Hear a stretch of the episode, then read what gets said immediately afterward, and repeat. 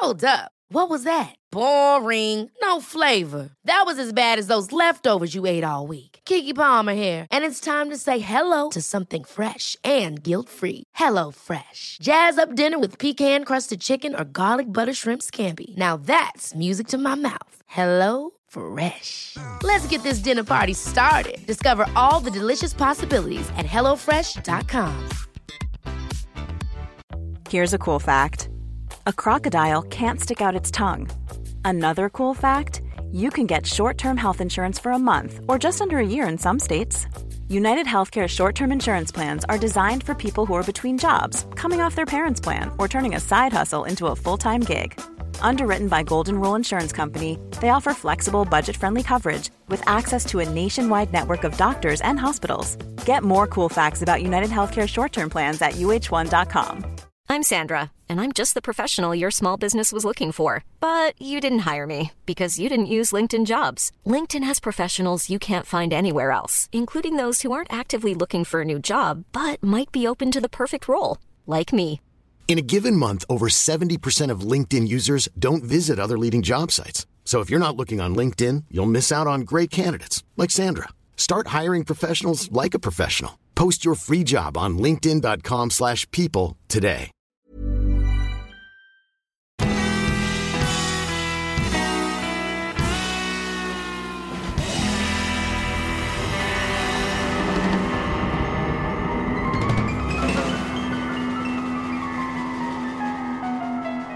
Hej allihopa och välkommen tillbaka till ett nytt avsnitt av Ståpäls med mig Ida och på andra sidan luren har jag ju Lukas. Lukas. Mm. Hej! Hej! Hur är läget? Jo då, det är väl eh, bra tror jag. Det känns bra i varje fall. jag är lite trött, men det brukar jag Hur har vara. det gått med ditt byn? Eh, jo, men eh, det blir bättre och bättre. Men ibland så liksom är det nästan som lite så här nervryckningar i benet. Så jag vet inte riktigt vad som har blivit fel. Det är väl men- lite blåslaget där inne kan man tänka. Ja det kan jag nog tänka mig att det är Eh, Men nej men det rullar väl på Jag har jobbat och sådär så att jag försöker ta mig framåt Ehm, Så att eh, nej jag är ledig den här fredagen så det är skönt Så jag ska Jaha. Ja det är min lediga fredag Jag har ju en ledig fredag varje månad Jaha! Ja, jag är ju som sagt var lite långsam idag. Ja. Så att eh, jag ska iväg och fiska lite då tänkte jag Ute vid mm. Sunne, alltså ja Sunnesta, eh, Mälaren Ja, ni som vet vet Ehm, Så att eh, Ja, nej det är bra Själv då? Det är, det är inte lika bra men ja Eh, Nej, alltså jag vaknade ju med huvudvärk och så tog jag liksom min eh, migränmedicin och så gick jag och la mig och sen så är jag lite... Jag vet inte om man kan säga att jag dissocierar. Nej Ehm, för att ehm, jag tycker liksom att ehm, min tunga är för stor för min mun och, och jag är lite, lite virrig och lite vinglig och sådär. Men jag tror att det kommer släppa. Men, eh, det är ju en lite läskig känsla att liksom att nästan som att man skulle gå genom vatten på något vis. Ja, ja nej det är inte så Inte så roligt men vi hoppas på att Nej. det blir bättre Ehm, Ja, men det tror jag. Så att eh, Vi satt här innan och, och rantade lite om första delfinalen av Eurovision Song Contest. Ja, precis eh, Det är ju, jag tror vi sa det förra året också, att det är som vårt fotbolls-VM. Vårt OS liksom. Nej men lite så. Ehm. Vi sitter här och planerar och ska träffas och ja, eh, gå igenom alla låtar innan och betygsätter dem och ja, ha oss. Ja. Och igår var ju då första delfinalen. Ehm. och jag vill bara... Om du röstade på Moldavien, då kan du sluta lyssna på våran podd. ja. ja, ja men det, det var så dåligt. Eller det är så dåligt rättare sagt. Nej men hur, hur kunde inte Lumix gå vidare? Hur kunde inte Danmark gå vidare men de gick vidare? Ja, nej, jag, jag, jag frågar mig inte, jag vet inte. Jag blir, jag blir så blir trött. frustrerad. Och inte hade vi någon, vi hade ingen chans att kontrollera heller för vi fick ju inte rösta igår. Nej. Nej, vi fick ju inte göra det. Eh, Så jag vet inte riktigt. eh, Men jag tror att det måste ju vara eh, grannländerna som bara, ja men det här är bra. Ja eller så är folk bara så här, åh vad kul! Ja, det var lite hippt. Eller inte. Nej. Jag tyckte större delen av delfinal 1 var ju bara så här 70-tal. Ja. Men alltså vilka, vad heter de som, eller vilket land är det som gör de här disco? Den här låten disco. Slå, slå. Kroats... Nej, inte Kroatien. Det var Slovenien. Ja. Kanske? Men man bara, men älskar De som såg ut att vara typ 14. Ja, de är typ, vad kan de vara, 18 kanske? Någonting, 16, Ja, de var 18. studentkompisar i alla fall. Ja, och de liksom kör en låt som skulle kunna släppts för typ 70 år sedan. Nej men lite så. Nästan. Ja, och jag har ingenting emot alltså äldre musik. Själv gillar jag ju liksom äldre så. Men det var liksom bara så tråkigt. Ja, och jag är så glad att, eh, vad heter de, eh, Lettland inte gick vidare med den där jävla salladen. Ja, men alltså förlåt. Det är ju... Nej men alltså jag var så här, när ska det här vara slut? Ja, måste jag få höra den här låten en gång till? Lite så var det faktiskt. Ah, Nej. men, men vi får glädjas över att två av våra nordiska länder gick vidare. Det var ju Norge och Island och sen Grekland är ju norsk. Mm. Så. Ja, det är ju mm, hon som sjunger Rent- är ju rent norsk. utsagt. Ja. Ja, precis. Ehm, Så att, ehm, ja, nej Men det var se. ju jättekul. Eh, Men ja, nu blir jag nervös inför imorgon, det kan jag ju säga. Ja, vi får väl, alltså om inte Cornelia går vidare då vet jag inte vad vi ska skicka för någonting. Nej men då är det ju för att de bara inte vill att Sverige går vidare. Ja, men typ för att de tycker att vi alltid kommer med bra bidrag. Men, eh, nej. Bettinglistorna säger att det är Ukraina som kommer vinna, men vi får se. Mm, man vet aldrig. Men det här är ju inte Eurovision-podden, hur mycket vi Nej, än det- kanske skulle vilja göra det. Men det kanske vi skulle kunna göra nästa år, Lukas. Lagom till Eurovision kan vi göra ett Eurovision-avsnitt där vi berättar om Ja, hur Eurovision inte? kom till. Vi gör ett... Ni kan eh, väl eh, kommentera på vår Instagram om det skulle vara intressant, för då lägger vi det på minnet. Så kan vi prata om alla bidrag och allt som vi har tyckt varit bra och inte bra och ja. Mm. Mm, why not? Men eh, den här veckan är det ju inte, ja, raka motsatsen. Det är svårt att säga vad är raka motsatsen till Eurovision. Men Det vet jag inte. inte Men- detta tror jag inte i varje fall. Men, men det blir inte lika glatt och inte musik och inte så. För att eh, vi har väl tänkt att det här ska handla lite om vårdhistoria. Och eh, rent krasst så har det väl blivit att båda våra delar är lite om mänskliga experiment. Mm, det blev så. Ehm, Ehm, mm, så att eh, det kan bli lite, lite mörkt. Ja. Ehm, och är du känslig liksom för det här med mm, Alltså har du någon slags rädsla för att bli felbehandlad, kanske någon hälsofobi eller så, så är inte det här avsnittet för dig. nej, men precis. Och eh, mitt är väl lite så här psykisk ohälsa och eh, ja, men som vi pratade lite om innan att man inte har rätten att bestämma över sin egen, sitt eget jag liksom.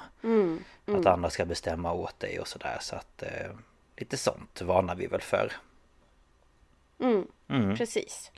Men jag Så är att, eh, väldigt spänd på att höra ditt faktiskt. Ja, men jag tänker vi hoppar väl bara rakt in i det här djupet. Mm, vi gör så. Ja. ja.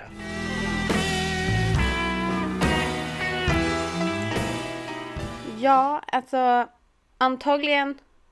Eh, nu vet inte jag vad vi kommer döpa det här avsnittet till, men ser ni namnet på den här personen så kommer ni bara.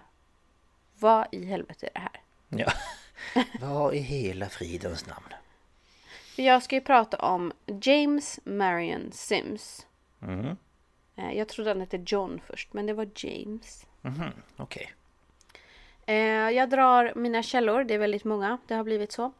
Men eh, på Youtube har jag kollat på två eh, videos och den, ena var ju från kanalen Vox och den videon hette The US Medical System is still, is still haunted by slavery. Och sen var det Solars Documentary och då hette den James Marion Sims Documentary by Elizabeth Solars. Eh, sen har jag varit på nätet, alltså vanliga webbsidor. Det är hjärt och lungfonden.se, doktor.se, Wikipedia, history.com, EU, eh, usatoday.com, theatlantic.com och npr.org. NPR är ju National Public Radio i USA. Då. Mhm, Okej. Så det är som UR. Ja just det, Tror jag jag. vill inte säga som SR men det är ju inte alls det. Alltså det är väl en kombo av dem, typ. Ja. Yes. Eh, och sen har jag läst en artikel på ncbi.nlm.nih.gov. Det är alltså National Center for Biotechnology Information, National Library of Medicine. Och det var då en artikel skriven av L.L. Wall och den hette The Medical Ethics of Dr. J. Marion Sims, A Fresh Look at the Historical Record. Okej. Och sen har jag lyssnat på tre poddar och det är Malpractice Podcast avsnitt 8 Dr. J. Marion Sims. Och sen var det en som hette Cyclical Podcast. Podcast, gud vad amerikanskt det blev där. Podcast. Eh, The Shocking History of Modern Gynecology och den sista var Conspiracy Sisters och det var deras allra första avsnitt som hette Human Experiments. Ja, okej. Ja, det var en del. Ja, men det blev så. Mm, jag förstår. Eh, men som ni då hörde på en av källorna här då att det var The Shocking History of Modern Gynecology. För J. Marion Sims är klassad som den moderna gynekologins fader. Men eh, medicin har inte alltid en så fräsch bakgrund, eller vad man ska säga. Det var väl sällan det tänkte jag säga men... Nej men precis. Eh, så att eh, jag tänkte vi eh, skulle gå in på det här. För det är ändå ett ganska viktigt ämne och det är många som inte känner till var allt kom ifrån. Men verkligen, jag hade ingen aning om det här. Så att eh, det ska bli spännande att höra. Men eh, J. Marion Sims, han kallades för Marion, men jag kommer kalla honom för Sims. Eh, han föddes den 25 januari 1813 i Lancaster County i South Carolina då i USA. Ehm, och han var son till John eh, Sims och Mahala Mackey. Och eh, de första 12 åren så bodde familjen i Lancaster Village norr om Hanging Rock Creek. Och där hade hans pappa en butik. Så de var väl inte, vad ska man säga, låg medelklass kanske? Arbetarklass? Ja, Det var vad man klassar det som. ja. Eh, men de var inte fattiga liksom. Men eh, 1825 när han var 12 så började han på en prestigefylld skola som heter Franklin Academy. Och den här skolan utbildade endast vita pojkar. Eh, och 1830 så började han på South Carolina College och sen flyttade han till Philadelphia och skriver in sig på Jefferson Medical College och där tog han examen 1835. Och han kände efter examen att hans utbildning hade varit bristfällig och han skrev i sin självbiografi, och nu har jag tagit det på engelska. I felt absolutely incompetent to assume the duties of a practitioner. I knew nothing at all about the practice of medicine. I had no clinical advant- advantages, no hospital experiences, and had seen nothing of sickness. Okej. Så han, eh, men alltså det, det var ju så på den tiden, alltså det var ju bokkunskap. Alltså många hade ju inte träffat en sjuk person förrän de faktiskt började arbeta. Liksom. Nej, det var väl ingen praktik på det sättet kanske. Nej, nej. Och som han uttryckte det också, jag kände inget speciellt intresse för mitt yrke i början av det. Förutom att tjäna ett levebröd. Jag var verkligen beredd att när som helst eh, och hur som helst ta till allt som erbjöds. Eller eh, något som innebar en förmögenhet. Eftersom jag visste att jag aldrig skulle kunna tjäna en förmögenhet på att utöva medicin. Okej. Så att, eh, ja. Men eh, han började trots allt utöva medicin i sin hemstad i Lancaster County. Men han hade ju då bara intresse för att tjäna sitt leverne och han, alltså han hade ingen, alltså han brann inte alls för yrket. Okej. Eh, och eh, de två första patienterna han behandlade avled. Jaha. Och i ett försök att hitta ambition så flyttade han till Montgomery i Alabama. Och där öppnade han en liten kvinnoklinik. Eh, och alltså att behandla kvinnor på den här tiden.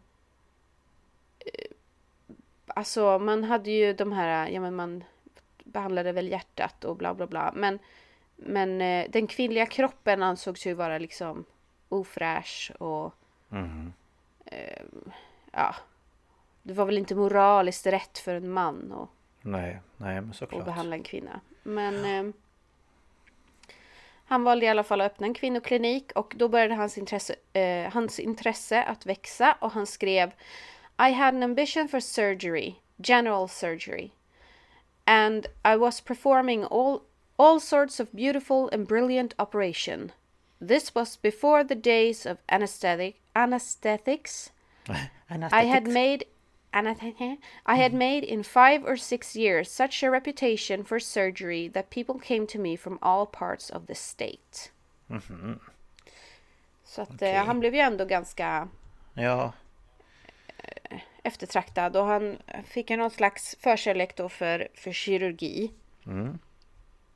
Eh, och under sina år i Alabama gjorde han många framsteg inom med- medicin genom att utveckla teknologi som används än idag.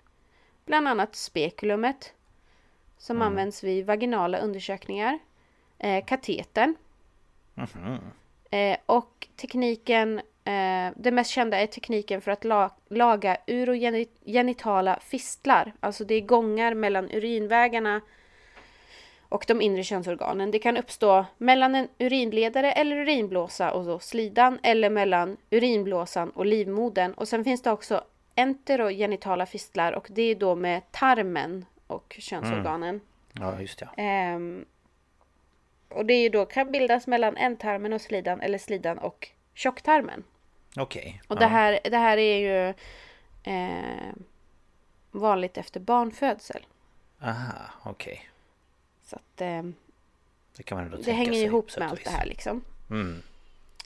Men 1807, lite historia här, 1807 så förbjöds importering av slavar till USA. Och alltså jag vet inte riktigt hur, alltså jag kan inte uttrycka det på ett annat sätt än slavar. Alltså jag vet inte vad jag ska Nej, säga. men det är väl... Det är så då alla sa så i de här äh, Ja, dokumentärerna. det var väl det tänker jag. Alltså, Ja, men jag tänkte om jag skulle försöka komma på något som var lite mera ja, nej, men det var ju... Ja, nej, korrekt. men... Men, men ja, Ja. jag har försökt. Men Mm. eftersom de här äh, forskarna som sitter och pratar om det här, som är African American, ehm, säger black slaves, Mm. så gör jag också det. Mm. Men jag tänker att det är Men- väl ofta så man har pratat om det och det var ju liksom De köptes ju för att För det känns ju dumt att säga slav. arbetare, för en arbetare får ju pengar. Ja men det, ja precis, det fick ju inte de, de fick ju inte pengar utan de blev ju Nej. snarare straffade om de inte gjorde det de blev tillsagda Ja. att göra. Precis. Men i alla fall 1807 så förbjöds importering av slavar till USA. Alltså man fick inte längre åka till andra kontinenter och hämta slavar. Nej. Så istället växte pressen på de kvinnliga slavarna att föda fler barn. Och då på så sätt avla fram fler slavar. Och till och med så, så utvecklades ju nästan som man gör med hundar och hästar och sånt här. Att man skulle avla fram de bästa Mm.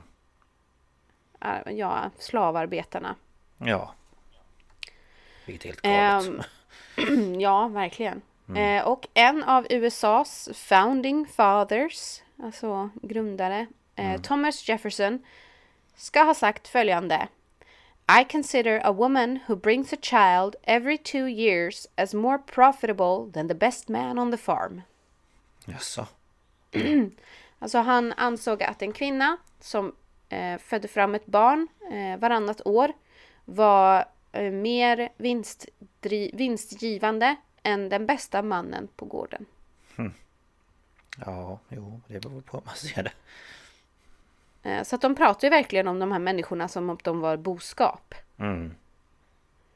Ja, verkligen. Men det, det ansågs ju i alla fall då vara viktigt att man höll kvinnorna i ett hyfsat skick för att de skulle då föda fler barn. Mm.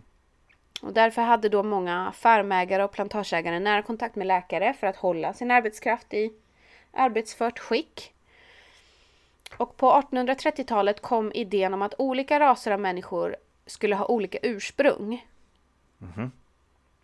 Alltså liksom vita kom från, hade ett visst ursprung och, och native americans hade ett och africans hade ett och Okej, ja.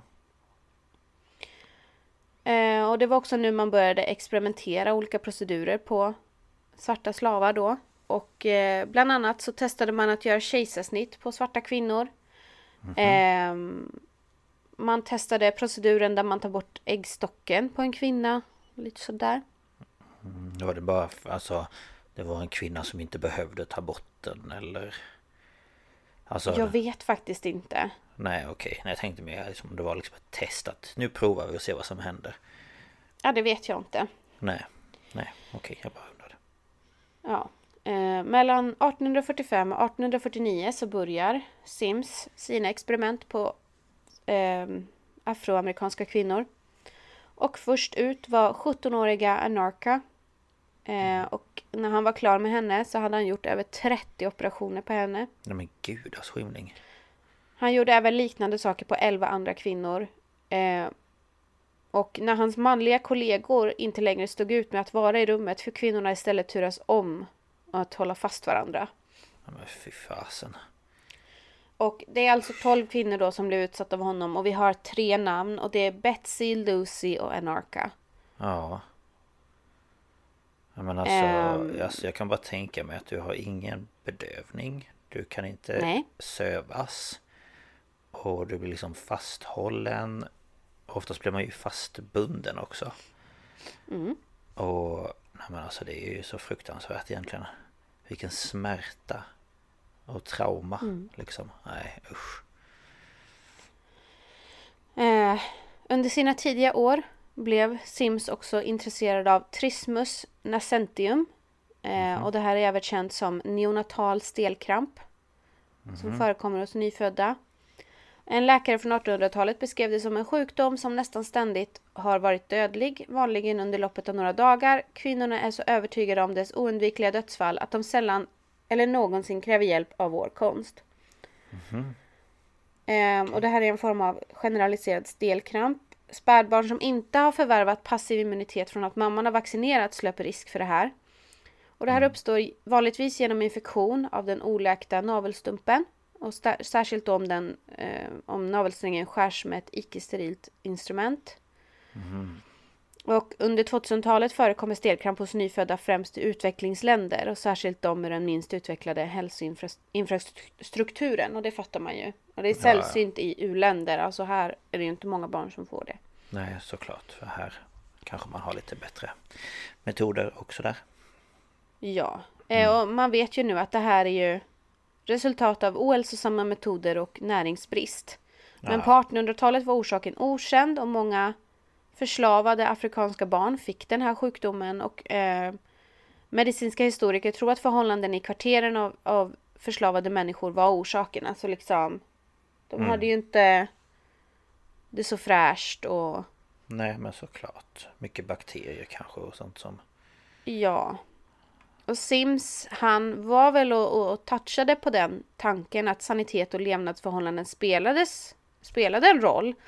Och han skrev då, när helst det finns fattigdom, smuts och lättja, eller där den intellektuella kapaciteten är trång, de moraliska och sociala känslorna avtrubbade, kommer att finnas där oftare. Rikedom, ett odlat intellekt, ett raffinerat sinne, ett tillgivet hjärta är jämförelsevis befriade från denna obarmhärtigt dödliga sjukdomshärjningar. Men utsätt denna klass för samma fysiska orsaker och de blir lika drabbade som den första. Mm. Ja precis han trodde också att det här utvecklades från skallbensrörelser under utdragna förlossningar. Ehm, och nu, nu blir det mörkt. Okej ja För att testa det här då så tog han ehm, förslavade kvinnors nyfödda som hade det här då och han använde en skomakarsyl för att bända skallbenen i linje. Nej men alltså ja, okej Ehm, den här metoden hade ju en dödlighet på 100%. eh, Ja det låter ju som det ja Eh, han han ehm, behöll de här eh, kropparna för att kunna obducera på dem. Alltså de fick inte tillbaka sina barn. Nej såklart Eh, och han skyllde de här dödsfallen då på slöheten och okunnigheten hos deras mödrar och de svarta barnmorskorna som skötte dem. Ja visst Istället för att då inse att det var hans teknik som gjorde det. Ja. Mm. Ja usch fy. Nej. Ehm, och nu kommer vi tillbaka till de här kvinnorna då som han experimenterade på. Och alltså bedövning uppfanns 1846. Då hade man ju... Mm, vad heter det? Typ kloro, kloroform. Ja, klart. Du vet man, man, man eh, satte en duk över ansiktet så svimmade man typ. Mm. Precis. Eh, det fanns. Men han valde att inte använda det här. För på den här tiden eh, så trodde man att svarta människor inte kände smärta eller ångest. Nej men alltså. Ja, det var... Det var andra tider det så att säga. För man, man liknade dem ju i stort sett vid djur och det, alltså det, är ju, det är ju, går inte att tänka för oss idag. Nej. Men det var ju Men det som är- så. Ja, men det som är sjukt också är att i, i många av de här videorna och sådär som jag kollar på så visar ju studier att fortfarande så är mödradödligheten högre hos African American än vita. Mhm. Eh, och att African Americans i större grad inte litar på vården och att de inte såklart. blir behandlade på samma sätt, både vuxna och barn. Att de får utstå mer innan de kan få bedövning och så vidare. Det kan jag faktiskt tyvärr tänka mig. Eh, Ja, och det här är ju då i USA. Jag har ingen aning om hur, hur statistiken ser ut i Sverige. Nej. Men... Eh, och sen det här med att man jämför dem med djur. Och då tänker man, jaha men vad tänkte man om djur för? Alltså det är också en sak som har förändrats mycket att Mm. Idag vet man ju att djur eh, känner och så eh, saker. Ehm, så att... Eh, ja, nej det är hemskt. Nu blir det återigen eh, väldigt så här grafiska förklaringar. Mm. Så att, eh, för nu går vi tillbaka till då när han träffar 17-åriga Anarka. Och eh, 1845 så blev han inkallad för att han skulle hjälpa henne vid hennes förlossning. För att den var lite utdragen då. Och eh, för att få ut bebisen då så använde han ett skohorn för att bända upp henne. Eh, och då skrapade skohornen, eh, skohornet upp ett hål inne i henne mellan både vagina och urinväg och vagina och rektum. Aj, aj, aj, aj. Ja. Och han sa till henne att han inget kunde göra åt de här fistlarna då. Eh, så hon fick gå med otrolig smärta under lång tid. Eh, och det som händer är ju också att du, du kan ju inte hålla tätt. Allting blandas ju och Ja. Det måste bli inf- Liksom- alltså, eh, heter det? infektioner och ja, alltså... svamp och fan Ja. hans moster. Mm, Nej men fy sjutton. Usch att gå runt med det där. ja. Efter en tid så träffade han Lucy. Och tänkte eh, att nu eh, börjar vi eh, f- f- få börja, b- får vi börja hitta på någon slags eh, behandling av det här för att hon hade ju samma problem. Mm. Eh, och han tänkte nu att jag måste ju eh, forska på det här. Eh, och då blev han plantageägaren att skicka alla kvinnor han hade med samma problem. Och det var ju totalt då 12 med Anarka. Och eh, Lucy då, han försökte stänga hennes fistlar flera gånger och vid ett tillfälle så placerade han en bit svamp i hennes urin- urinblåsa för att suga upp urin. Sen glömde han den där. Ja, vad bra. Så att hon fick ju blodförgiftning. Mm. Eh, och efter ett flertal operationer så tog det till slut då flera månader för henne att ens börja återhämta sig.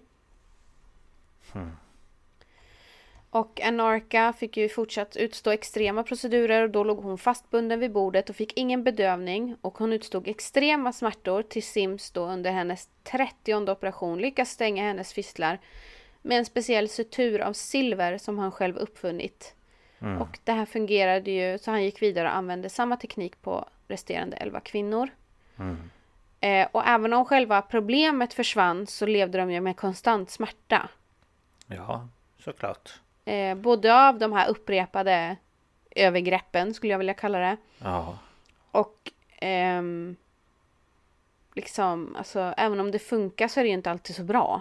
Nej, såklart. Ja, men det blir kanske oftast liksom ja, men efterföljder av en operation när den inte har lyckats och så gör man en till. Alltså det...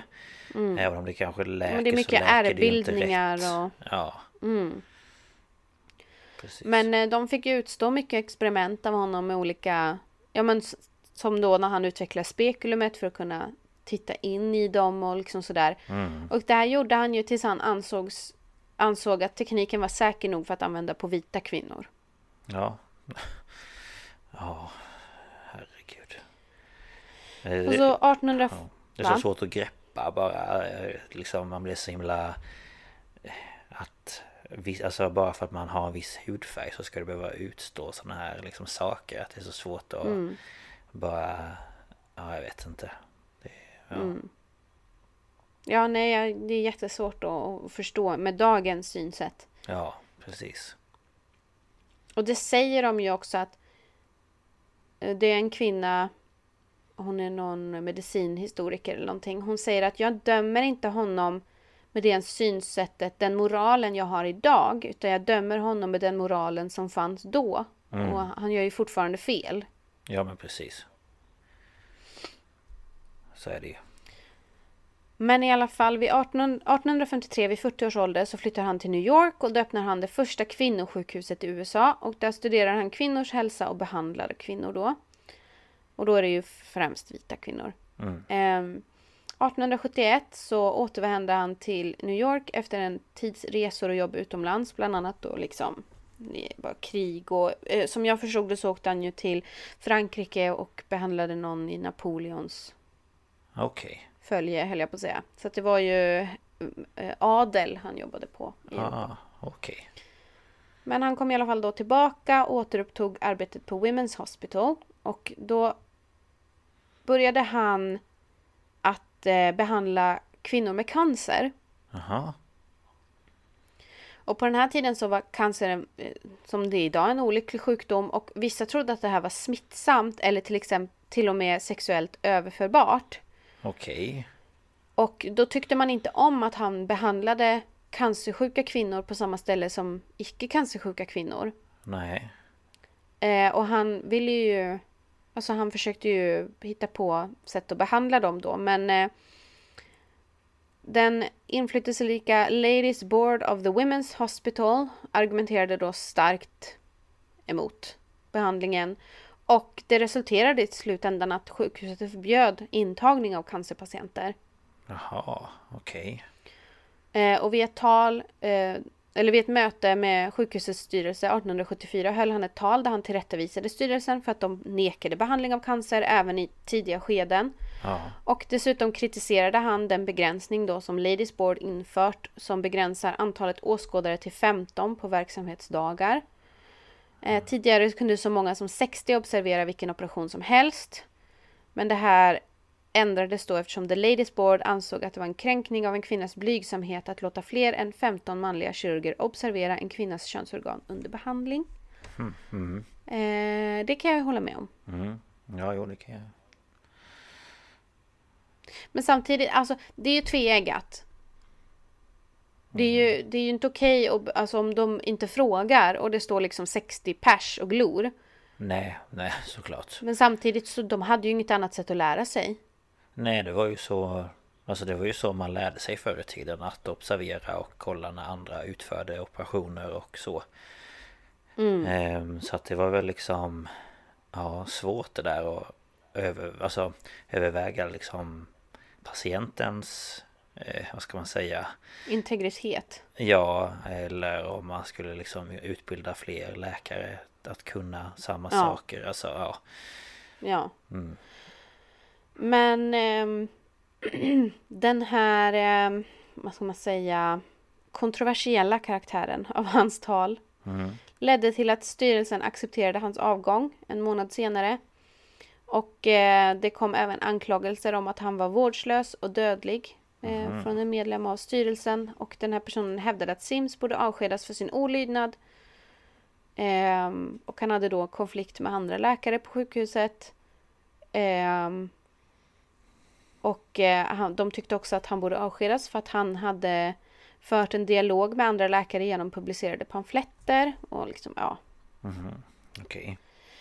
Men efter att ha bråkat med styrelsen på sjukhuset om intagning för cancerpatienter blev Sims avgörande för att etablera USAs första cancer, cancerinstitut, New York Cancer, New York Cancer Hospital. Ehm, och som svar på behandlingen han fick från Women's Hospital valdes han till enhällig president för Americal, American Medical Association. Nu tog jag, slog jag ihop medical och American. Amer, Americal. A miracle. Det, det. Var, det var ett bra ord. A miracle. Ehm, men han blev president för AMA kan man Okej. säga då. American Ja. Mm. Medical Association. Och det här eh, ämbetet hade han från 1876 till 1877. Mhm. Eh, för att 1877 så drabbades han av två attacker av kärlkramp. Eh, eller angina pectoris. Och det här är beteckningen på en tillfällig nedsättning av blodflödet i hjärtat kranskärl. Mm. Det här resulterar i övergående bröstsmärta men ingen bestående muskelskada. Eh, men 1880 fick han allvarlig tyfoidfeber. Oj då. Varje gång jag hör det så tänker jag på, på Emil i Lönneberga när han målar Ida med bläck. Ja just ja. Och så hon, vad heter hon? Krösa-Maja? Nej, vad heter hon? Krösa-Maja. Det är tyfus! Ja, det är tyfus. ja, så dumt. Men eh, ja, Mm. han hade det. Eh, och det var ju ganska vida spritt Mhm. eh, då. Och W. Gill Wiley, en biograf från tidigt 1900-tal, sa att även om Sims led av delirium så konstaterade han ständigt, konstruerade han ständigt instrument och genomförde operationer. Då kan man ju vara lite... Ja, ja. det var kanske lite konstigt. Eller så. Efter flera månader och en flytt, från, flytt till Charleston för att hjälpa hans konvalescens återhämtade han sig i juni 1881. Och då åkte han till Frankrike. Och sen kom han tillbaka i september samma år och då började han klaga på en ökning av hjärtproblem. Han var halvvägs genom eh, att skriva sin självbiografi och planerade ett återbesök till Europa när han dog av en hjärtattack den 13 november 1883 på Manhattan i New York City. Okej. Och han hyllades länge av kollegor inom medicin och fick en staty i Central Park i New York av The New York Council of Medicine. Men den 17 april 2017, efter åtta år av protester, togs den bort och flyttades till begravningsplatsen Greenwood Cemetery i Brooklyn, eh, då i New York, där han vilar. Jaha. Hm. Ja, jag förstår. Eh, för att han Och ville ta bort den. Eh, den, den stod ju där eh, och liksom hyllade hans men, arbete och det var många som tyckte att ja, det blev väldigt... han red på ryggen av de här stackars förslavade kvinnorna. Jo men precis, alltså det blir lite så här eh, Att det kanske har liksom lett till att man nu har en förståelse kring vissa saker Men att det är ju, det han har gjort är ju frukt... Alltså Mm. eh, Det är ju inte så att man kanske vill ha en staty som hyllar... Ja, ja, nej Det blir ju, det blir ju, det blir fel på flera olika sätt. De skulle kunna hylla kvinnorna som faktiskt blev utsatta och liksom visst Mm. han har gjort mycket för, för medicin och sådär men eh, Men eh, vad skulle... det är ju återigen lite sån här whitewashing eller vad säger man? Ja men så här, vad skulle han ha lärt sig om han inte hade de här kvinnorna då? Alltså... Ja, alltså när statyn flyttades eh, så var CBS New York på plats och intervjuade personer. Och eh, då var det en eh, man mhm. från Upper East Side vid namn David. Och han sa så här. He was the father of American obstet- obstetrics, okay? Their whole reasoning is that he operated on 12 slave women. Well, he was a doctor in 1845 Birmingham, Alabama. What else was he supposed to do? Not operate on them and let them die? Nej, Och då har jag skrivit i mitt dokument. Well, David, middle-aged white man of Upper East Side New York. He could have asked for their consent or operated on white women. How about that? ja. ja men alltså... Alltså han är så, han är så upprörd i det här klippet. Ja men eh, förlåt men eh, De skulle väl Vadå? Att han- de skulle ha dött? Ja kanske men då hade det varit av Av andra skäl Alltså Men, men Det är ju ja, alltså. Det är ju ingen En fistel är ju inte dödligt såvida inte liksom Nej, precis. Följderna av den gör att du får en infektion och dör av det. Precis.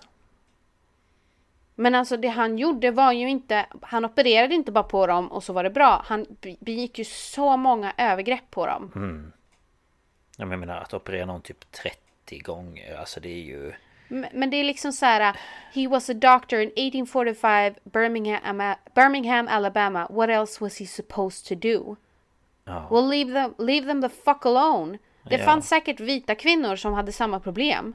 Det tror jag definitivt.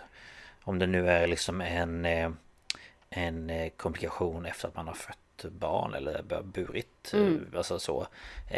Då Mm. Men han, är det det många är ju, kvin- de sa ju själva att, att han perfekterade den här tekniken på svarta förslavade kvinnor innan han började operera på vita kvinnor. Mm. Och det är ju där What else was he supposed to do? Man bara, Alltså, det ja, så. kanske operera i så fall på alla kvinnor. Oavsett. Och är man förvånad över att det är en vit medelålders man Nej. från Upper East Side Ja, men det är ju liksom, som har den här åsikten. Om man tänker sig serien Gossip Girl. Det är ju liksom de männen Ja. som yttrar sig om en sån här sak som de inte har ett skit med att göra. Nej, precis. Ehm, Men vi har istället då Harlemboende Mercy Wellington som sa till The Daily News I feel that my ancestors can rest. Sa hon när st- statyn togs ner och sen sa hon Each day I walked past that statue and I saw him up there. I felt personally disrespected. It's a historical moment for me and it's an emotional moment. I just feel that the right thing is being done. ja, verkligen. Jag tycker varför ska, varför ska hans ansikte finnas där? Alltså, Och så var det liksom, alltså han stod ju, det var ju som, nästan som en piedestal. Så stod han liksom i mitten och sen var det två runda plack. Med liksom så här, åh han gjorde det här och han gjorde det här och bla bla bla. Men ingenting om de här kvinnorna som han nej. gjorde det här på. Det har ju varit väldigt starka protester ifrån olika organisationer. Bland annat en som var väldigt stark var ju att kvinnor stod i såna här uh, hospital gowns. Och så hade de liksom stängt röd färg på den nedre delen av magen och liksom Ja, så. Och Ja. stod där framför den där och så stod de och höll tal och ja, men för, alltså Fatta de där, alltså om man tänker sig bara operationerna i sig att det måste ju ha varit liksom Vad ska man säga? Men, men, men liksom Blodigt och ingen liksom bedövning, ingen Ingenting liksom Eh, Bara Nej. hålla på och experimentera och prova och testa och se vad som funkar och inte funkar och Och så vidare och så vidare att det liksom och jag förstår ju att man måste Vad ska man säga? Man måste testa för att veta om det funkar Det förstår ju jag också Men Men det är just Det att man just gör det att- på människor som inte har ett val. Ja För det finns ju de som var så här, jo men han, de gav honom godkännande. Ja men snälla vad skulle de säga? Ja precis Om du är ens är ägd av en människa Mm. och den här människan säger nu kommer doktorn fråga om han får skära i dig utan bedövning och du ska säga ja annars jävlar. mm. Vad säger du då? Och så kommer läkaren, hej får jag skära i dig? Ja. Alltså vad ska, vad ska de säga? Ja men det är ju, alltså, det är ju antingen säga ja eller så vet de ju inte vad de kommer få utstå Nej, precis. Så Och sen fanns det väl ett hopp i dem också om att de skulle må bättre kanske. Ja man Och det finns ju många som, som vill whitewasha och bara så här, "Ja, men de skulle ju vara glada att plantageägare tog dem till läkare överhuvudtaget. Man bara, men va? ursäkta mig Nej men alltså jag blir så... Ja men det är så här. Åh. Och sen vet man ju inte vad, vad, vad gav han för information till, då, till dem? Sa han att de skulle Mm. testa? Eller var det liksom att nu ska jag operera dig för nu ska du bli bättre? Alltså, Nej men alltså jag är inte säker på att han talade till dem överhuvudtaget. Nej, utan han bara sig. sa väl bara åt dem att lägga sig och hålla käft eller liksom. Men Mm. det finns också, han har ju skrivit liksom i sina anteckningar att eh, jag vet inte om det var Lucy eller Betsy som skrek liksom. ja, men Och ändå konstigt. så kunde de säga nej men de känner ingen smärta. Nej, okej. Ja men det är därför hon skriker. Hon skriker för att hon är så glad. Ja. Ja men precis. Ja. Nej. Nej, så att det är ju en väldigt tvegat. Han har ju gjort mycket då, bland annat då för, för, för gynekologin och cancervård då, uppenbarligen. Mm. Ja, såklart. Men eh, till vilken, till vilken, eh, vilket pris? Mm. Det var lite Det är ju så. där hela den här diskussionen ligger och det är väl därför det här med hans staty blev så eh, omtalat och sådär. Ja, ja, men såklart. Det förstår jag. Ehm, men... ja, vilken resa. Känner mig helt matt. Mm. matt i pälsen. Men det var... Mm. Ja, nej, men det är ju... Samtidigt som det är fruktansvärt så är det ju också intressant att lära sig om var liksom... Ja men var det här kom ifrån och vad Mm. man gjorde för att man skulle liksom komma på de här metoderna som då kanske har utvecklats och används idag fast på andra sätt och Ja, men som vi tar för givet. ja, som är så här, ja men självklart eh, för att idag är det liksom inte så att du Alltså du behöver ju inte lida när du opererar, alltså så Du kan ju ha ont efteråt såklart Mm. Men det är ju inte så att du har ont under tiden för då är du ju inte vaken Alltså det är ju Nej, precis. eh, mer så, så att det, det har ju liksom lett till något positivt men där och då var det ju absolut inte det. Nej, precis. Mm. Och det, som vi sa i början, det är ju mycket så med, Ja. med vård. Och det är ju så. Ehm, så att, ehm, Verkligen. och jag tyckte att det var, det var kändes lite viktigt att ta upp Ja. den här människan för att det är ju, jag tror att det inte är många som känner till det här.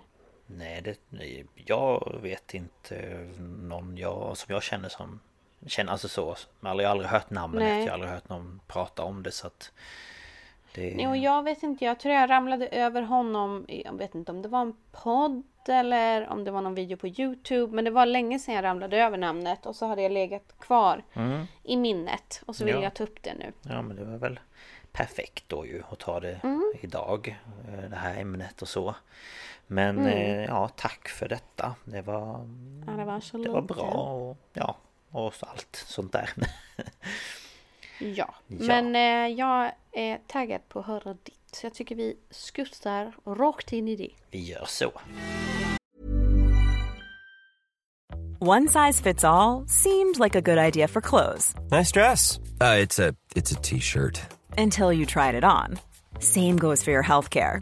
That's why United Healthcare offers a variety of flexible, budget friendly coverage for medical, vision, dental, and more. So, whether you're between jobs, coming off a parent's plan, or even missed open enrollment, you can find the plan that fits you best. Find out more about United Healthcare coverage at uh1.com. That's uh1.com. How would you like to look five years younger? In a clinical study, people that had volume added with Juvederm Voluma XC in the cheeks perceived themselves as looking five years younger at six months after treatment. Look younger, feel like you. Add volume for lift and contour in the cheeks with Juvederm Voluma XC. Reverse signs of aging by adding volume to smooth laugh lines with Juvederm Volure XC. For important safety information and to find a licensed specialist, visit juvederm.com. That's J U V E D E R M.com. Not for people with severe allergic reactions, allergies to lidocaine, or the proteins used in Juvederm. Common side effects include injection site redness, swelling, pain, tenderness, firmness, lumps, bumps, bruising, discoloration, or itching. There's a risk of unintentional injection into a blood vessel, which can cause vision abnormalities, blindness, stroke, temporary scabs, or scarring. Talk to a licensed specialist to find out if it's right for you.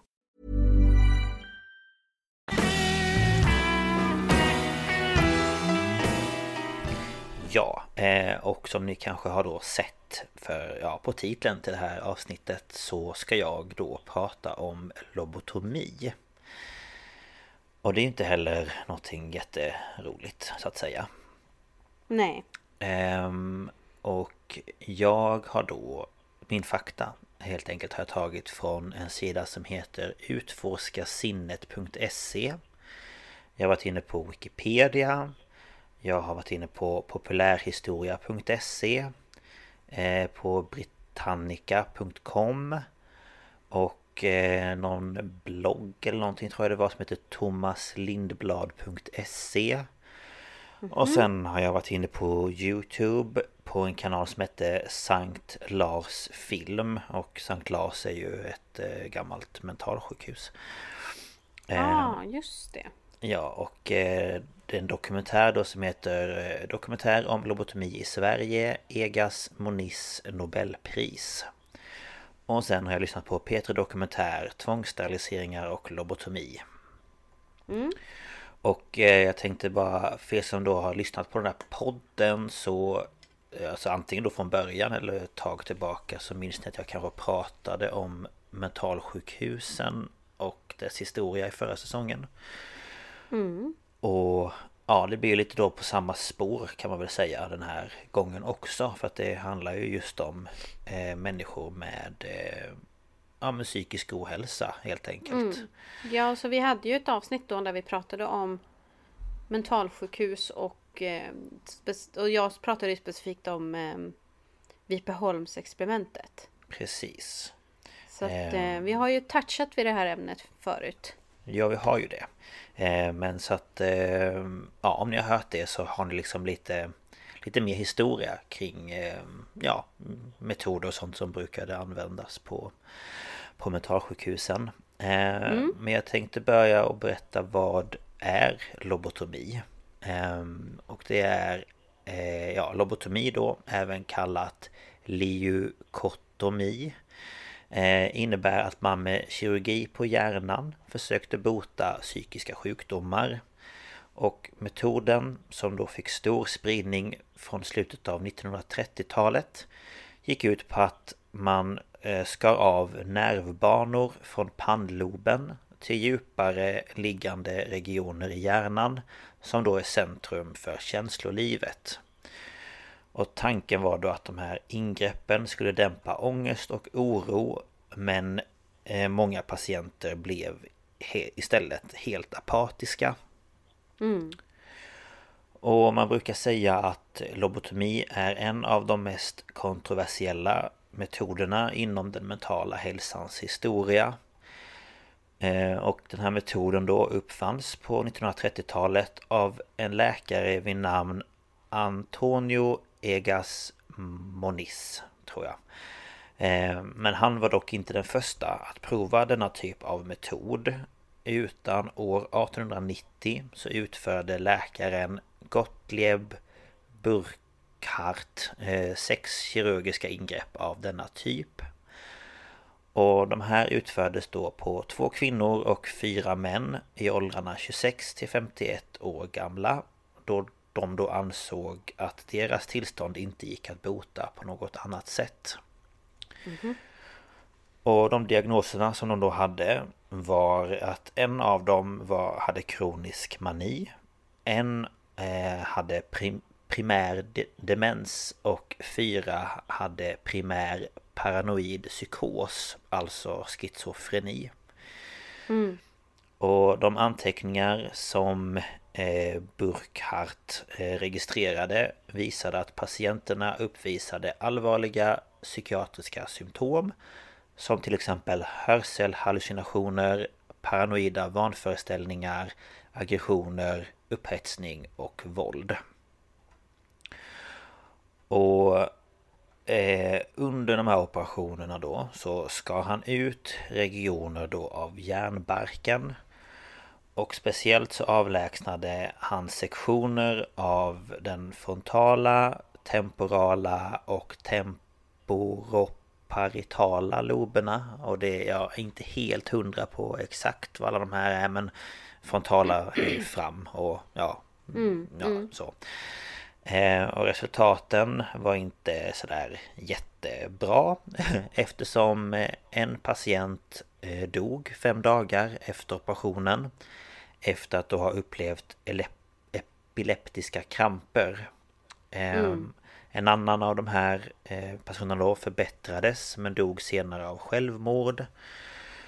Och ytterligare alltså, två... han förbättrades ju inte med andra ord. Nej, utan han förbättrades väl, eller jag vet inte om det var han eller hon, så hen eh, förbättrades väl, alltså läkte väl från operationen Men ja, det blev liksom inte något resultat till det bättre helt enkelt. Nej, precis.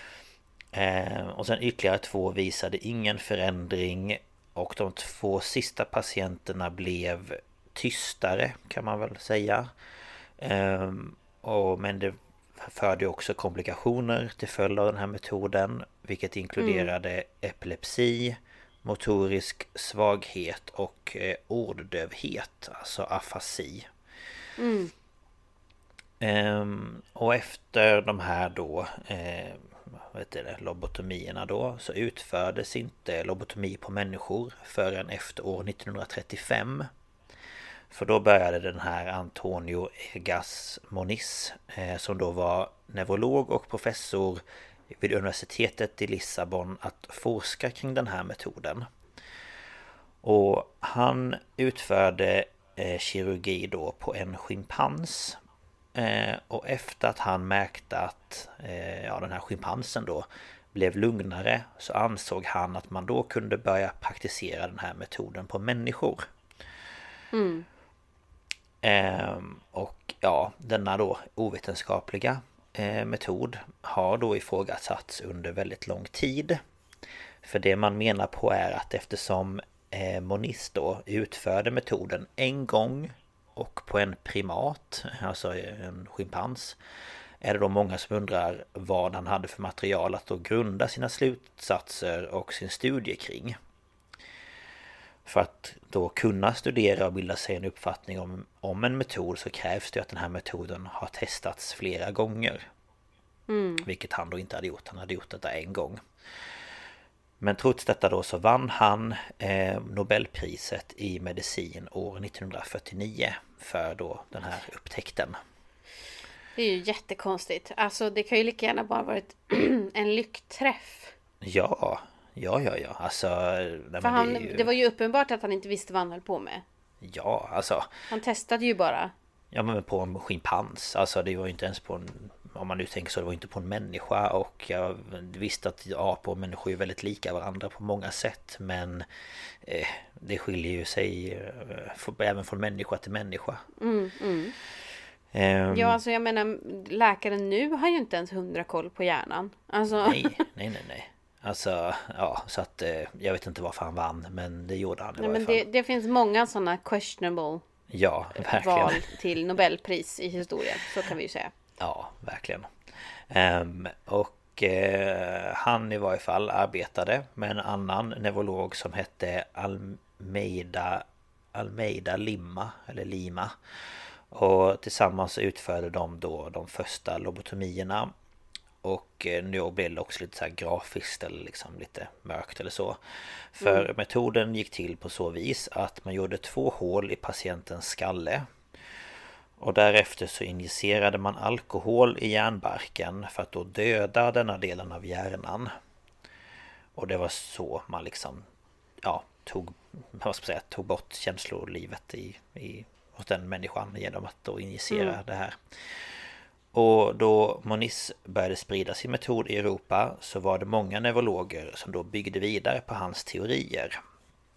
Och eh, den mest berömda av de här var Walter Freeman och han var en amerikansk neurolog som tillsammans med en annan amerikansk neurokirurg vid namn James Watts introducerade då lobotomin i USA.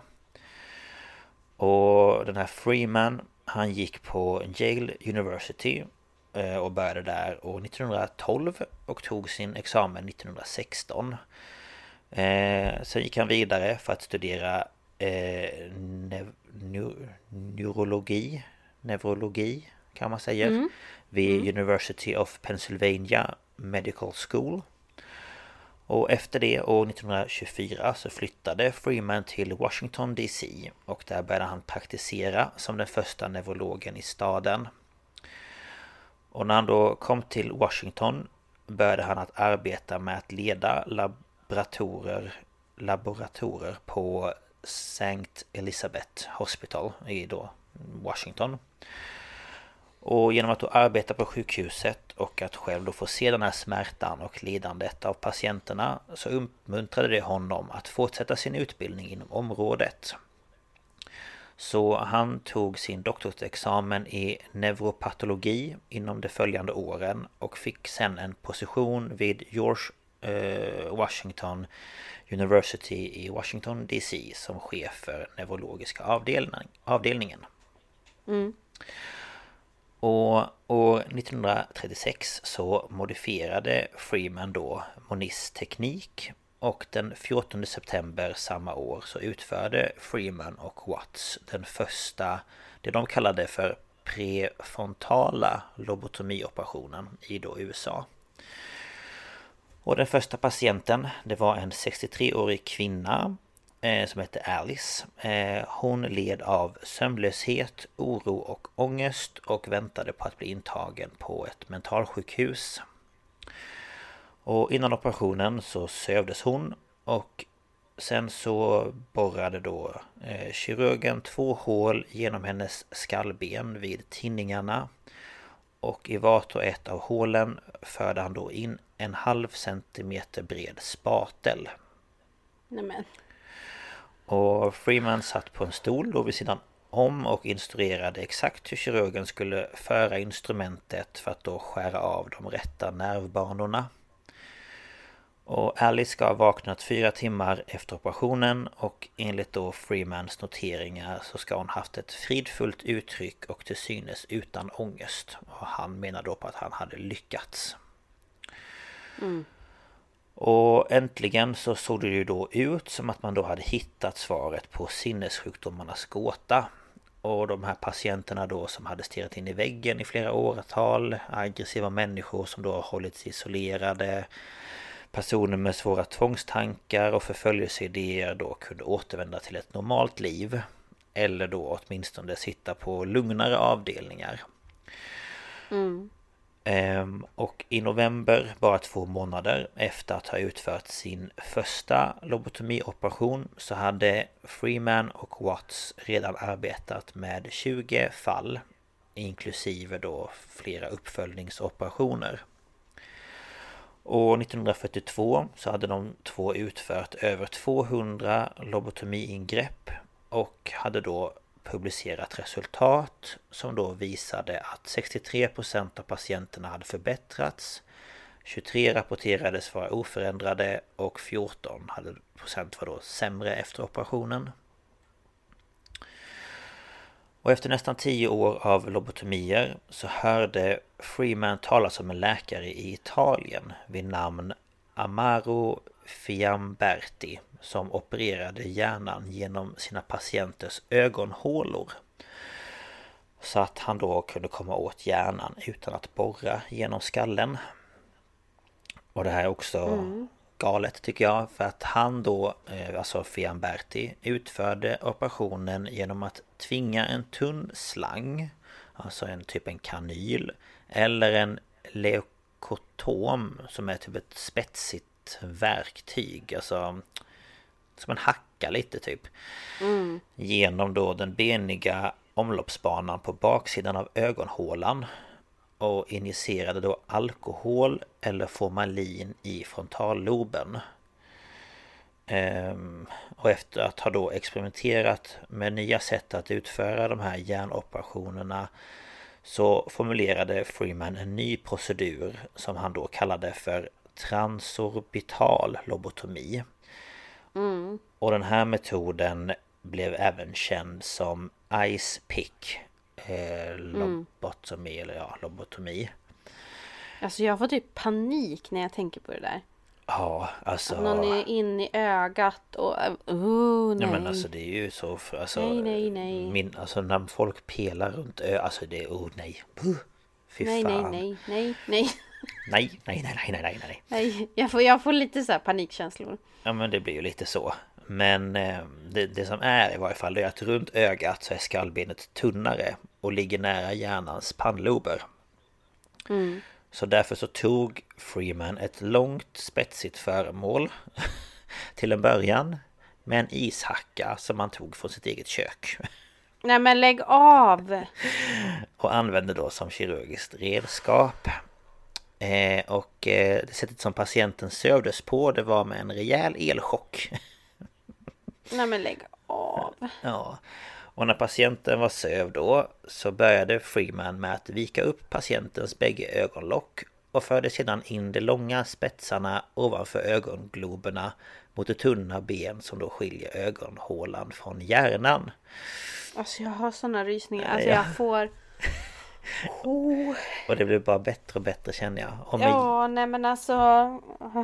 ja, och med hjälp av ett par bestämda slag med en gummiklubba Nej men åh. Trängde nålarna genom benet nästan en decimeter in i pannloben. Nej men alltså jag sitter och håller mig för ögonen. Ja. Jag har mina, jag har alltså, båda mina händer skrattar... ovanför min näsa just nu och trycker. Jag skrattar ju absolut inte för att det här är kul utan det här är panik. Alltså ja, ja, ja, ja. Jag blir så ehm. stressad av att bara, nej alltså jag... Uh. Ja, och sen när de väl var där inne så vickade han de här spetsarna Nej, men... fram och tillbaka. Och, och därefter så höll han en kompress mot ögat medan han låg ut instrumentet och torkade av det. Och hela det här ingreppet gick på ett par minuter och patienten återhämtade sig snabbt med ett par ordentligt blåa ringar runt ögonen om då operationen ja, gick bra. Och i januari 1946 utförde han sin första transorbitala lobotomi och opererade en deprimerad och våldsam 29-årig kvinna. Operationen då den eh, var en framgång helt enkelt. Eh, patienten kunde återgå till ett relativt normalt liv. Mm. Eh, men eh, Freeman då, han delade inte de här planerna för den här typen av lobotomi med eh, Watts och efter att då han hade fått reda på det så hävdade Watts att sådana procedurer inte borde utföras på deras privata kontor. Men eftersom den här eh, metoden var så enkel enligt honom så kunde han utföra de här lobotomierna utan kirurgi och utan narkosläkare. Han menade då på att han behövde ingen operationssal och processen var så enkel att han kunde visa läkarna på mentalsjukhusen runt om i landet hur de skulle göra på egen hand. Ja. Och Watts då vägrade att vara med på den nya metoden Men Freeman, ja, ja han klarade sig själv helt enkelt. Och mm. han opererade på sitt eget kontor och ibland så kände han för att operera med vänster hand som omväxling. Nej men... Ja. Ehm, och det påstås då att han gjorde ungefär 25 lobotomier på en och samma dag. Och en av hans assistenter lär ha klarat av 75 stycken. Så det är ju en del om man säger så. Alltså min ehm. näsa börjar rinna ännu mer. Du bara nej, inte min näsa. Ja men alltså fy fan, tänkte jag liksom nej gud usch. Nej, nej, nej, jag vill inte, jag vill inte gå dit. Vi tänker inte på det. Um, oh, nej usch. Nej. Men Watts i varje fall, han eh, valde att eh, inte samarbeta med den här Freeman längre. Och Freeman han utförde sin sista lobotomi i februari 1967. Och då eh, dog patienten helt enkelt som han opererade på av en hjärnblödning. Mm. Och i och med då Freemans arbete så fick han många anhängare som tyckte att metoden då var en framgång. Men i media fick många en annan bild av honom. Eh, för där uppfattades han som väldigt arrogant och hänsynslös mot människors liv och hälsa. Och av alla de 3500 lobotomier som han både då genomförde men även övervakade så dog ungefär 490 människor till följd av den här behandlingen. Mm. Och både hans attityd kring liksom de här operationerna och mängden av dödsfall samt att han inte hade något intresse av att beskriva eh, sin vetenskapliga grund för metoden gjorde då att andra som arbetade med medicin inte liksom såg upp till honom utan det var mer så här vad håller du på med liksom? Mm. Och eh, de första lobotomierna i Sverige de eh, gjordes i augusti 1944 och utfördes av doktor Gösta Norlén på Serafimerlasarettet i Stockholm. Mm. Och av 48 opererade patienter så ansågs det då att 20 stycken ska då ha förbättrats radikalt medan 17 betecknades som oförbättrade och två av dem avled. Mm. Och i oktober samma år så började även Beckomberga att testa den här metoden. Eh, och efter ett antal mer eller mindre då noggrant dokumenterade operationer under åren 1944 till 46 så infördes snart lobotomi som en etablerad behandlingsform för de allra svårast sjuka patienterna på då de olika svenska ja, anstalterna.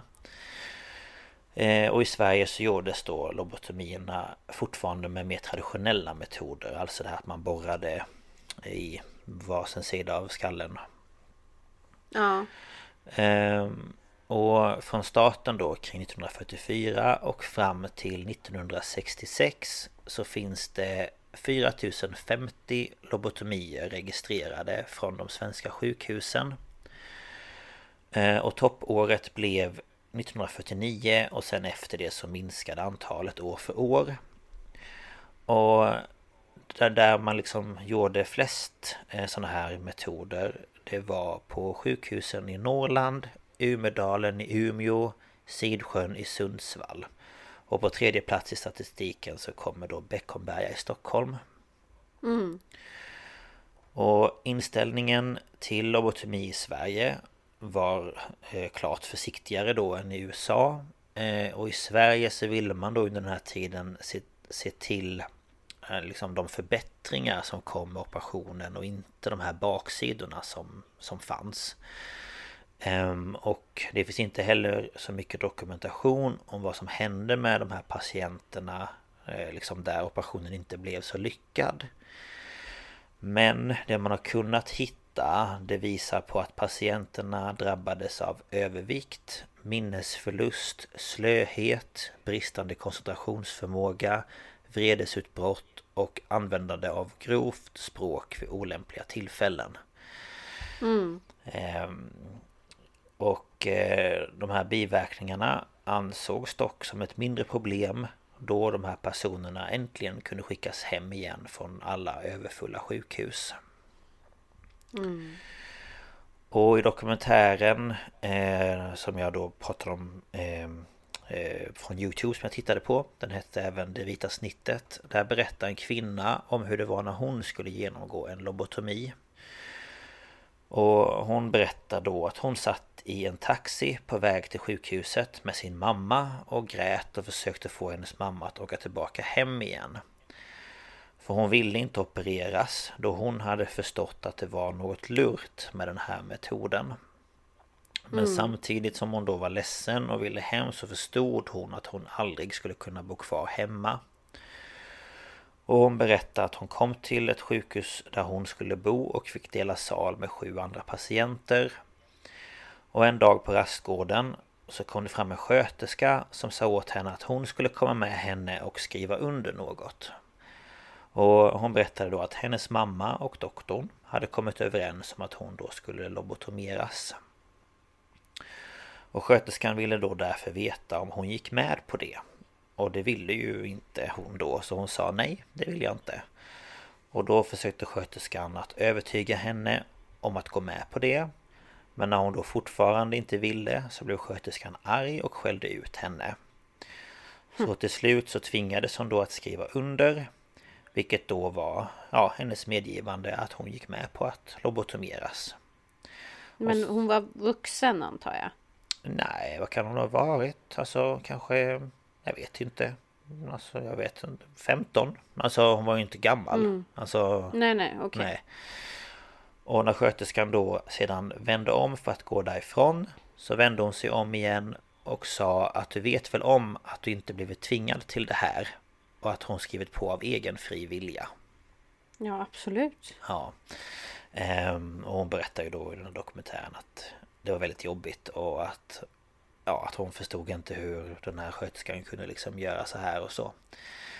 Nej. Ehm, och av de första 370 personerna som opererades i Umeå mellan 1947 och 1955 så avled 23 personer Eh, och det är då drygt 6% Men det är ju liksom inga procentsiffror som dog utan det var ju människor Och mm. oftast var ju de här då intagna mot sin egna vilja Och med då anhöriga som godkänt att man då kunde utföra den här operationen på läkarnas inrådan. Precis som i den här, mm. ja, som den här eh, tanten då berättade i den här dokumentären.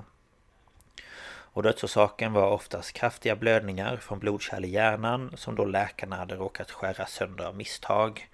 Men det var även vissa som dog av eh, infektioner till följd av operationen. Mm. Och man vet eh, inte idag hur många tusen människor som dog under operationerna totalt. Eh, men eh, lobotomin slutade att användas under 50-talet efter att man hade uppfunnit eh, Toracin som då var den första anti, so, antipsykotiska medicinen. Mm. Och uppfunna, uppfunnaren, uppfinnaren kallade dock den här medicinen för kemisk lobotomi. För att man blev väl mm. alltså avstängd känslomässigt fast kem, alltså ja. Ja, så. precis. Och under 70-talet så förbjöds proceduren i de flesta länder Även om vi vet att vissa länder fortfarande utför den än idag mm. Och det var det jag hade Men den här kvinnan, hur blev hon efter sin lobotomi då? Eh, hon... Eh, alltså...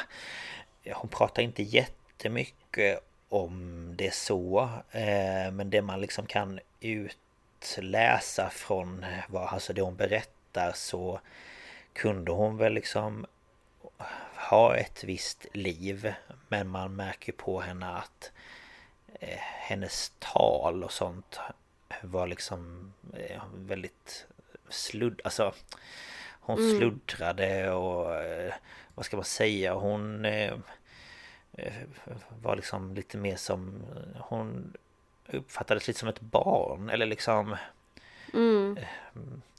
Hon, När hon berättade så var det liksom väldigt Det var liksom inte så mycket känslor utan det var mer det här hände och alltså Ja lite avtrubbad helt enkelt skulle jag mm. väl säga ehm, Att hon, hon liksom beskrev att hon tyckte att det var hemskt men Sättet hon pratade på uttryckte inte att det var, eller hon visade liksom inte känslor att hon tyckte att det var jobbigt Nej. eller att det var hemskt eller att hon Nej. blev ledsen eller liksom så utan det var mer bara att hon berättade en historia lite så. Ja. Ja.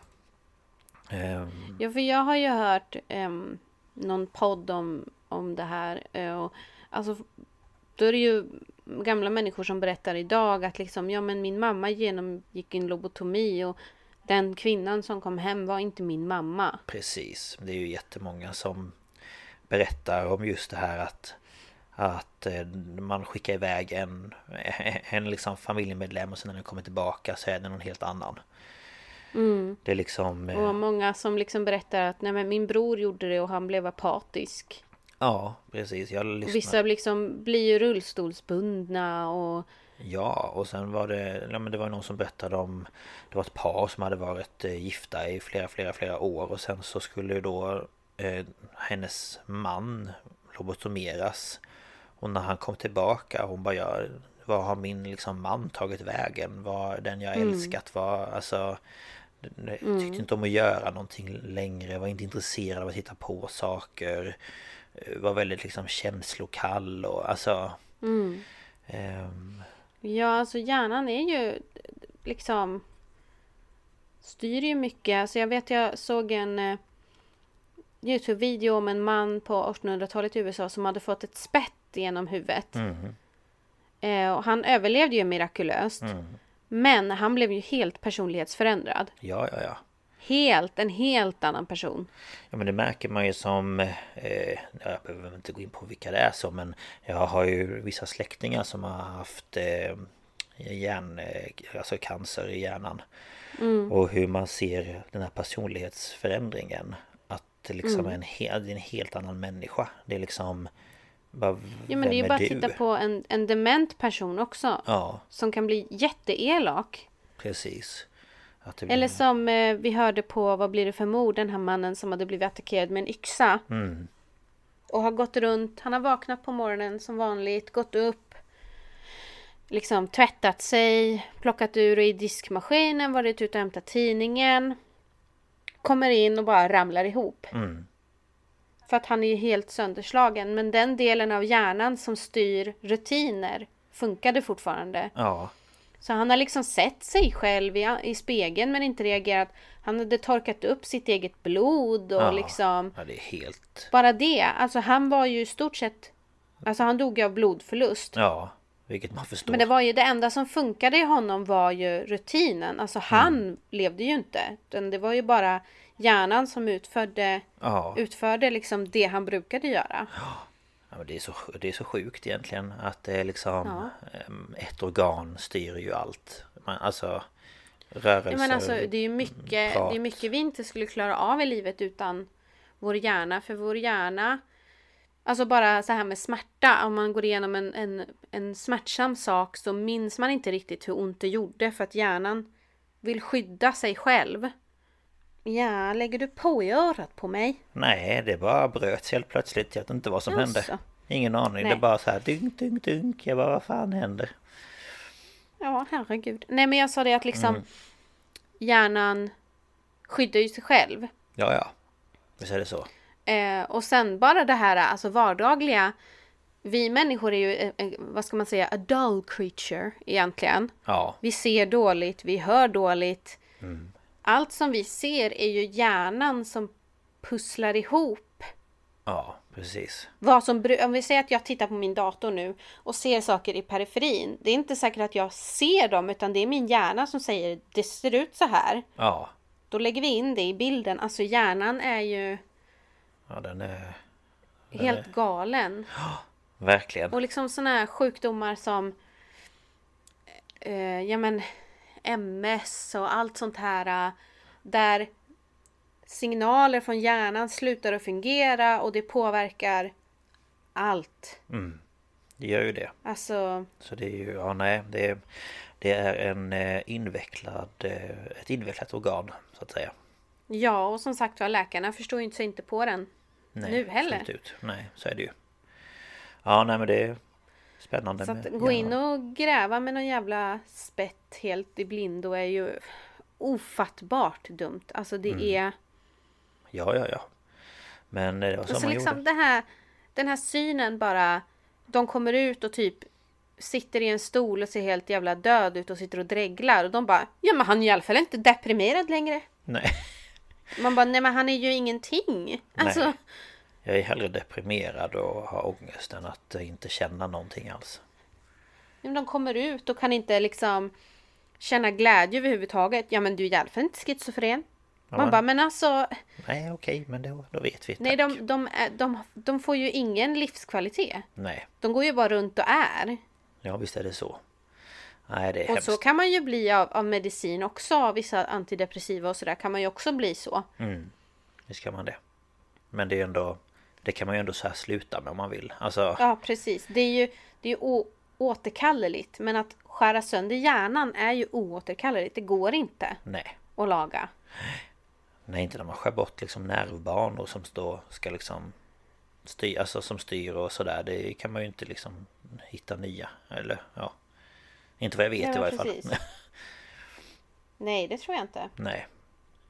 Nej, det Men, är eh, helt galet hur de betedde sig alltså. Ja, det var ju det. Men ja, det var allt i varje fall för den här veckan.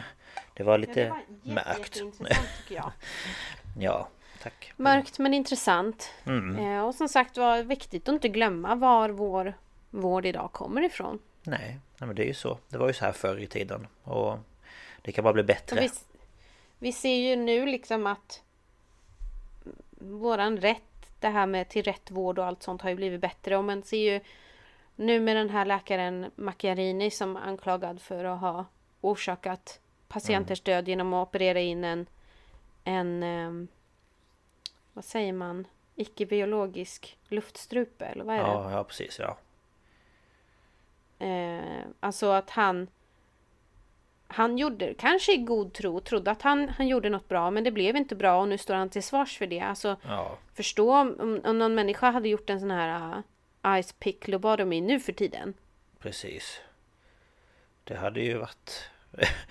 ja, då hade man ju fått, eh, vad ska jag säga, sparken ganska så rejält. Ja, precis. Mm. Så att vi får ju vara glada för det och ja, hur långt vården har kommit och att vården ändå jobbar på. Mm. Men att vi får vara glada att vi har andra moraliska kompasser Mm. nu Precis. för tiden. Visst är det så. Sen att det är djur som far illa istället för människor är väl inte alltid jättebra heller. Men Nej, eh, det tycker väl inte jag men det är ju, ja, det är ju så svårt det där med vetenskap och ja. mm. Men men så är det. Men eh, som sagt, vi vill ju ta upp det här för att belysa vart det kommer ifrån och Mm, ja, så vi inte ska ta saker för givet. mm, precis. Så är det. Mm. Och om man har Men- tips och idéer då, vad hör man av sig då? Ja, man kan mejla oss om man känner sig bekväm med det. Och det är på staphalspodcast.gmail.com Eller om man har Instagram så går man in och söker på Staphalspodcast eller Ståpäls. Eh, vi kommer nog upp då också.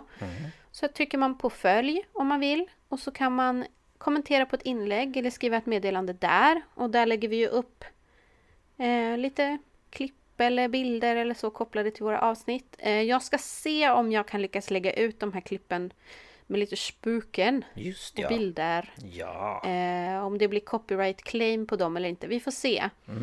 vi vet inte. Eh, jag tänkte jag skulle försöka fixa med det ikväll. Mm. Men eh, så där kan man ju följa oss. Och vi lägger ju som sagt ut också om det blir förseningar, ändringar eller vad som helst. Och vi tar ju alltid tacksamt emot tips och önskemål. Ja, visst gör vi det. Verkligen. Det får ni gärna höra av er med. Ehm, Ja. ja, Eh, hur känner du med nästa veckas ämne? Ska vi hålla på det eller ska vi avslöja det? eh, jag vet inte ens vad det är. Det är kvinnor som begått brott. ja, då vet jag redan vad jag ska ta för någonting. Ja. Spännande. Så bra! Så bra då. Ja. Ja. Det Ja, vad bra att du har koll på vad du vill ta. Det är ju jättebra. Ja, visst är det det. Nej men det kommer bli spännande. Ja, men det var allt vi hade för den här veckan. Ja, det var det. Tack för att ni har lyssnat. Tack så mycket. Ja, Ha det så bra. Ja, så hörs vi bra. nästa vecka. hej då! Hej då!